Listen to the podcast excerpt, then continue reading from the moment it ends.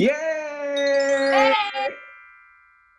Welcome back, guys. Ke ngobat bareng, ngobrol bareng. Dan teman saya, Gege, hari ini kita membahas di tengah pandemi lagi ya. betul, masih di tengah pandemi. Bulan ketiga ya, Ge? Oh my Bulan God. ketiga. Udah, udah ini belum? Udah ngecek belum? Di sini udah mulai ijo-ijo Lumutan ya, guys. Lumutan. atau Kalau gua- putih-putih. Udah mulai berakar, Ge. Udah mulai berakar. Gak apa-apa, berakar, bertumbuh, berbuah. ya ampun. Hari ini, hari ini by the way, kita punya bintang tamu yang spesial ya hari ini ya. Spesial banget. Ini kayak sebuah kehormatan ya buat kita ya. Ya, ini satu kehormatan buat kita bisa pansos sama Pansos. Ini, Aduh, bener. ini hamba Tuhan yang luar biasa banget. Terus Benar. apa lagi ya? Hits di kalangan Siapa yang kalangan nih. kenal beliau? Iya, bener. Semua kenal hits gitu. Dan apalagi ya, pokoknya diurapi Tuhan luar biasa juga. Pokoknya kalau denger eh, sharingnya, denger khotbahnya tuh selalu jup jup jup gitu nggak Iya. sih? Iya, kalau gue Salah satu contohnya yang suka gini yang, eh, kamu itu gimana, Bapak, Ibu? Nah, Pak, Bu gitu ya. Nah, Bu, Jadi betul kan apa? selalu manggil-manggil Bapak, Ibu. Oke. Tidak lain dan tidak bukan adalah Kak Ona Tahapari. Yeay. Welcome, Ya, Kak Ona. Kak Ona. Yang satu. Thank you banget Kak Ona Thank udah you, thank you. berkunjung ke ngobat bareng, ngobrol bareng. Anak. Yeay. Thank you, thank you. Thank you, pleasure. kan kan namanya ngobrol bareng anak Tuhan. Iya. Jadi ini bukan ngobat yang disuntik-suntik gitu, bukan. Oke. Kak Ona, Iya, kita iya. mau tanya-tanya dulu deh. Gimana seputar kemarin PSBB, pandemi. Kak Ona di rumah aja ngapain aja nih?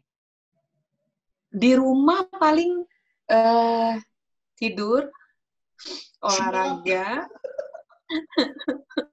tidur, olahraga, sama ini, sama yang kayak gini nih. Jadi meeting-meeting online gitu. Ini. Terus karena udah kapan hari itu akhirnya putuskan launching apa album eh, YouTube Oh. Enggak, YouTube YouTube yang official gitu supaya maksudnya bisa berbagi juga di Apa tengah-tengah tuh Kak pandemi namanya?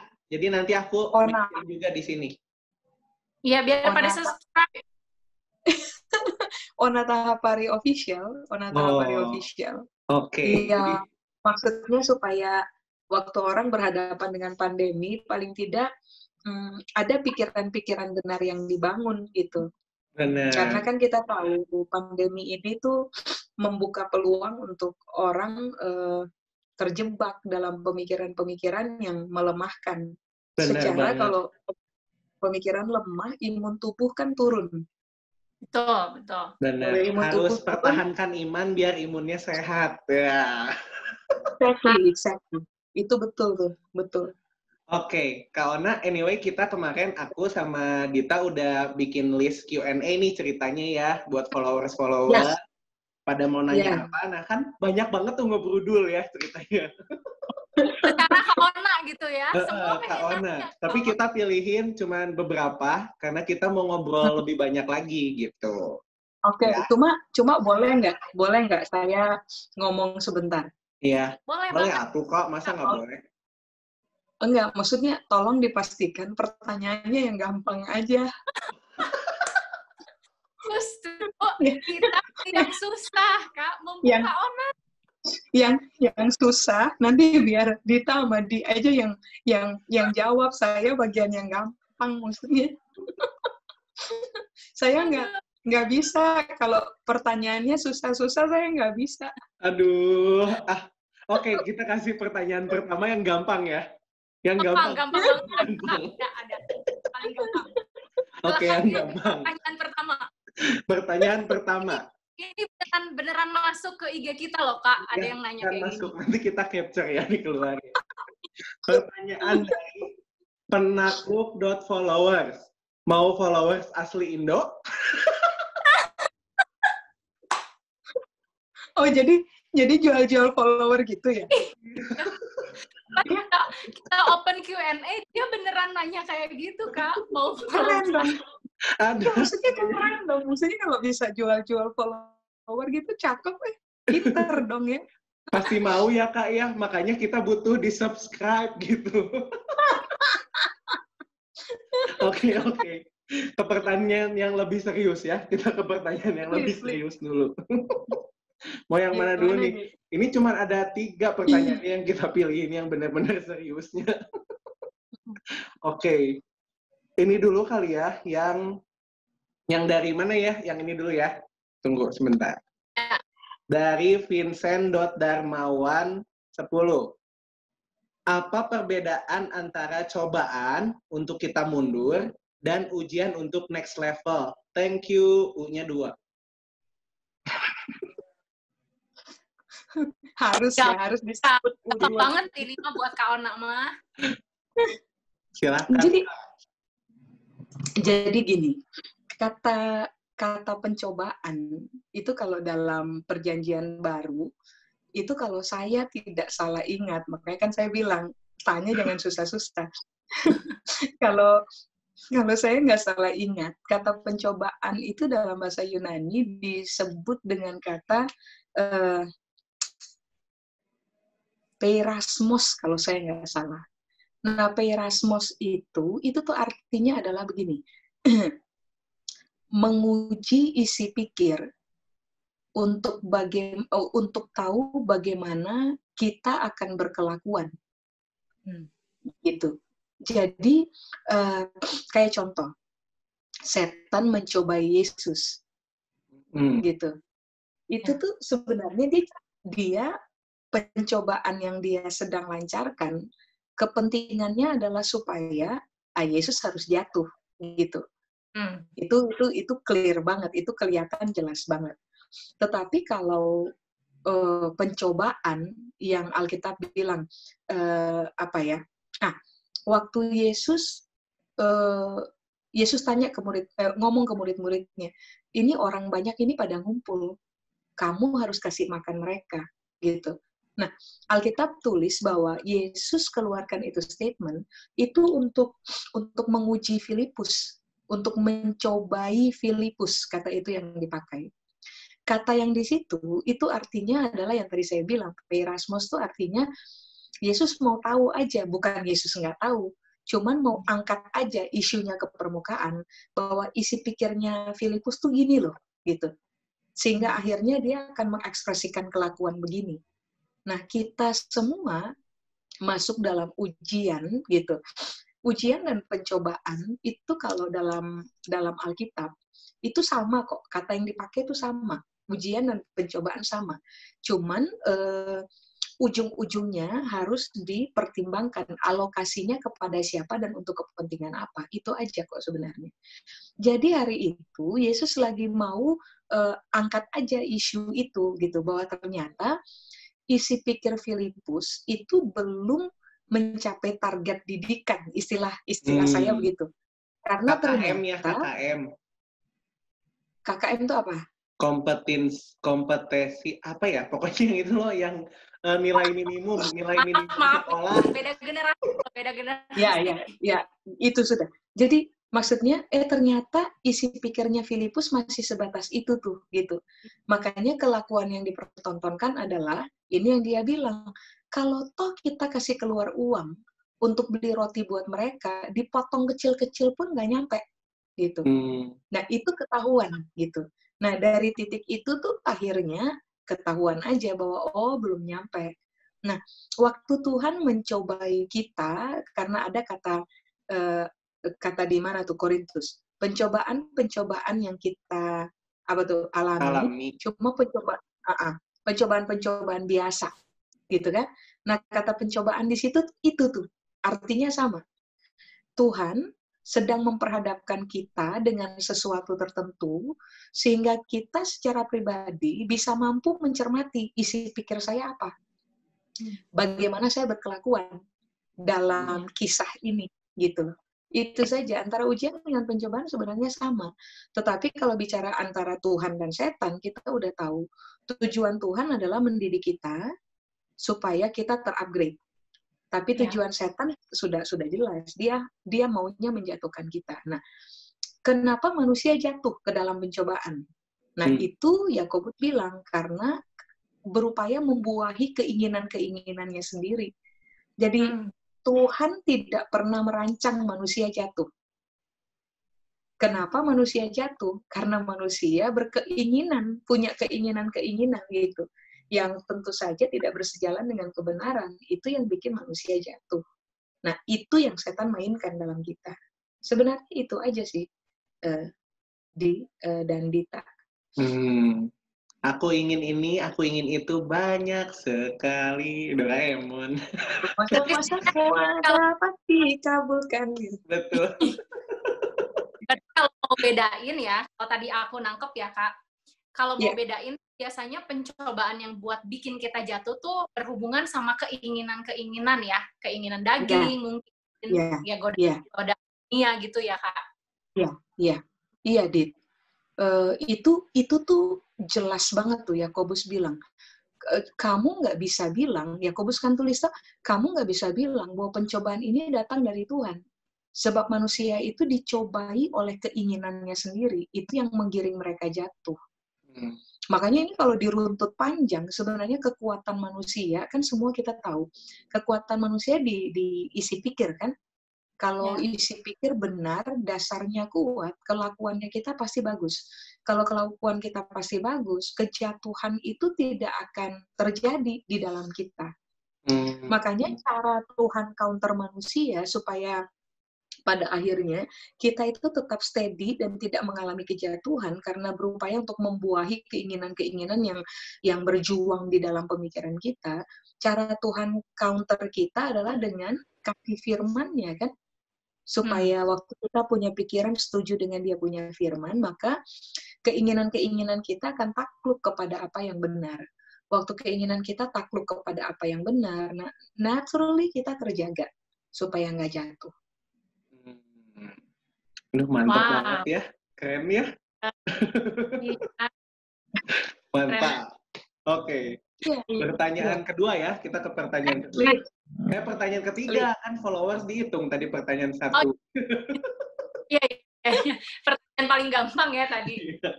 Pertanyaan ketiga dari Kenny underscore Darmawan.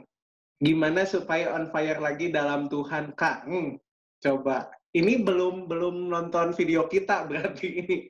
Belum Iya, episode Ada ya gimana saya on Iya. fire. Iya. Tapi kita mau dengar Iya. nih versi dari Kak Ona. Gimana supaya on fire lagi dalam Tuhan? Jadi gini, eh, langkah pertama tontonlah video dari ngobat Thank you karena walaupun walaupun saya belum nonton tapi dari kalimat tadi tuh kayaknya pernah dibahas deh gitu di ngobat kalau nggak salah ya. Iya. Is it benar ya? Oke, itu pertama. Kedua, gini. Eh kalau saya, kalau saya pribadi, saya pribadi sampai hari ini sangat meyakini bahwa kobaran di dalam kita itu terjaga waktu kita kasih makan dengan benar. Hmm. Nah, makanan kita tiap hari itu harus firman. Gitu. Masih ingat kan Yesus bilang, manusia tidak hidup dari roti saja, tetapi dari setiap firman yang keluar dari mulut Allah. Kata Ya. hidup di situ salah so, so, eh, zoe, z o e itu bahasa Yunaninya. Salah satu pengertian dari kata hidup atau zoe itu adalah begini, eh, manusia itu nggak bisa bergerak, manusia itu nggak bisa melangkah maju, manusia itu nggak bisa mengalami progresivitas dalam hidupnya kalau mereka tidak makan firman, istilahnya begitu. Hmm. Makanya kenapa ini sangat penting untuk kita bangun dalam keseharian. Bukan sekedar baca Alkitab untuk penuhi target gitu, bukan. kita ini perlu merenungkan firman yang tertulis dalam Alkitab. Nggak usah banyak-banyak, satu ayat ada aja cukup. Minimal. Minimal satu ayat. Atau dua ayat. Atau terserah lah se, se, just feel free untuk melakukannya tapi tiap hari kita tuh harus ditemukan sebagai orang yang merenungkan firman Tuhan gitu. So kalau kalau firman Tuhan menyatu dengan kita dan kita menyatu dengan firman Tuhan dalam perenungan, secara natural itu kobaran terjaga gitu. Hmm. Kita nggak bisa mengkaitkan kobaran dengan kebaktian kebangunan rohani itu enggak nggak bisa sebab ya. rata-rata orang orang mengalami ini kan waktu datang dengan seluruh hingar-bingar yang ada dengan semua tantangan-tantangan yang ada orang mengalami sebuah jamahan gitu sebuah pengalaman tertentu pada momen itu tetapi ketika pulang dan firman itu tidak kita nggak berinteraksi dengan firman yang terjadi adalah lemahnya akan di kitanya gitu. Makanya kalau kata saya, yang paling utama haruslah itu saja tuh, haruslah firman Tuhan. Selebihnya nanti kan ada berdoa, selebihnya kan ada pujian dan penyembahan, hmm. tapi inti kehidupan kita itu harusnya firman Tuhan. Sebab begini, waktu Alkitab berupaya menggambarkan tentang Tuhan, Alkitab itu mengkaitkan Tuhan dengan satu saja. Pada mulanya adalah firman. Firman itu bersama-sama dengan Allah. Dan firman itu adalah Allah gitu. Hmm. Jadi keidentikan Tuhan adalah firmannya. Kalau orang mau mengalami tetap kobaran di dalam Tuhan, yang nggak ada cara lain. Orang harus berinteraksi dengan firman Tuhan one day at a time. Nah, apakah ini sesuatu hal yang mudah? Percayalah di tahap awal susah karena nggak usah bicara orang lain. Sejujurnya, saya, saya pribadi, baca firman itu so boring, right? Ya. Yeah. Nggak tahu kalian, entah entah kalian mengalaminya atau tidak, tapi dulu di tahap-tahap awal kita kita harus push our own self, gitu kan? Harus dorong diri sendiri untuk nggak bisa. You have to train yourself, yeah. gitu. Karena uh, pemahamannya adalah begini bahwa kalau kamu mau dapatkan kobarannya, ya kamu harus dapatkan Tuhannya gitu. Hmm. Nah, untuk mendapatkan Tuhan, ya sederhana, kamu harus be, be, be, mendapatkan firman. Nah, memulainya susah, percayalah. Boring. Kadang-kadang baca dan tiba-tiba uh, tiba-tiba kita bangun besok pagi itu dalam posisi ya, benar. Ya, ngerti nggak sih bahwa baca firman tuh mengantuk gitu? Iya iya. iya itu kan itu kan proses-proses awal yang kita alami. Apalagi kan kitab yang paling dijauhin orang Kristen tuh bilangan. Betul. Karena uh. karena kayak karena waktu waktu kita baca itu itu kitab ya kayak kayak gila kita bodoh banget ngerti maksudnya nggak sih kayak kayak nggak nyambung banget dengan iya, semua ya, angka yang tertulis di dalamnya gitu iya sampai kemudian kan akhirnya so boring tapi karena kita harus penuhi target jadi kita tetap baca tapi terpaksa dan nggak ngerti apa-apa gitu istilahnya. Nah uh, itu proses. Benar. cuma prinsip awal yang harus kita pahami bahwa uh, kita butuh firman gitu. Nah, itu harus melampaui proses latihan one day at a time sampai kita menemukan bahwa Iya, firman itu kebutuhan. Hmm. Kita nggak merenungkan firman Tuhan karena desakan program. Kita nggak merenungkan firman Tuhan karena kita akan di, dipantau oleh kakak senior gitu. Udah baca firman belum? Nggak? Enggak. Hmm. Kita pada akhirnya harus latihan tiap hari sampai kita tiba pada keyakinan ini. Firman itu saya punya kebutuhan. Yeah. Seperti yes. yang Yesus bilang gitu bahwa manusia tidak hidup dari roti saja, manusia hidup dari firman. Jadi makanan adalah kebutuhan pokoknya kita. Nah, harusnya firman sebagai orang-orang yang mengaku percaya pada Tuhan dan hidup dalam Tuhan, harusnya kita juga telah ada pada keyakinan firman Tuhan adalah kebutuhan pokok.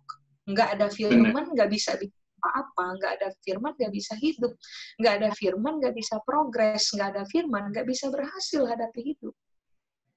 Ya. Kira-kira begitu. Mantap sekali. Cocok Iya, sekali. iya. Ya, kita kayak PA ya. Iya, kayak ini PA private tuh.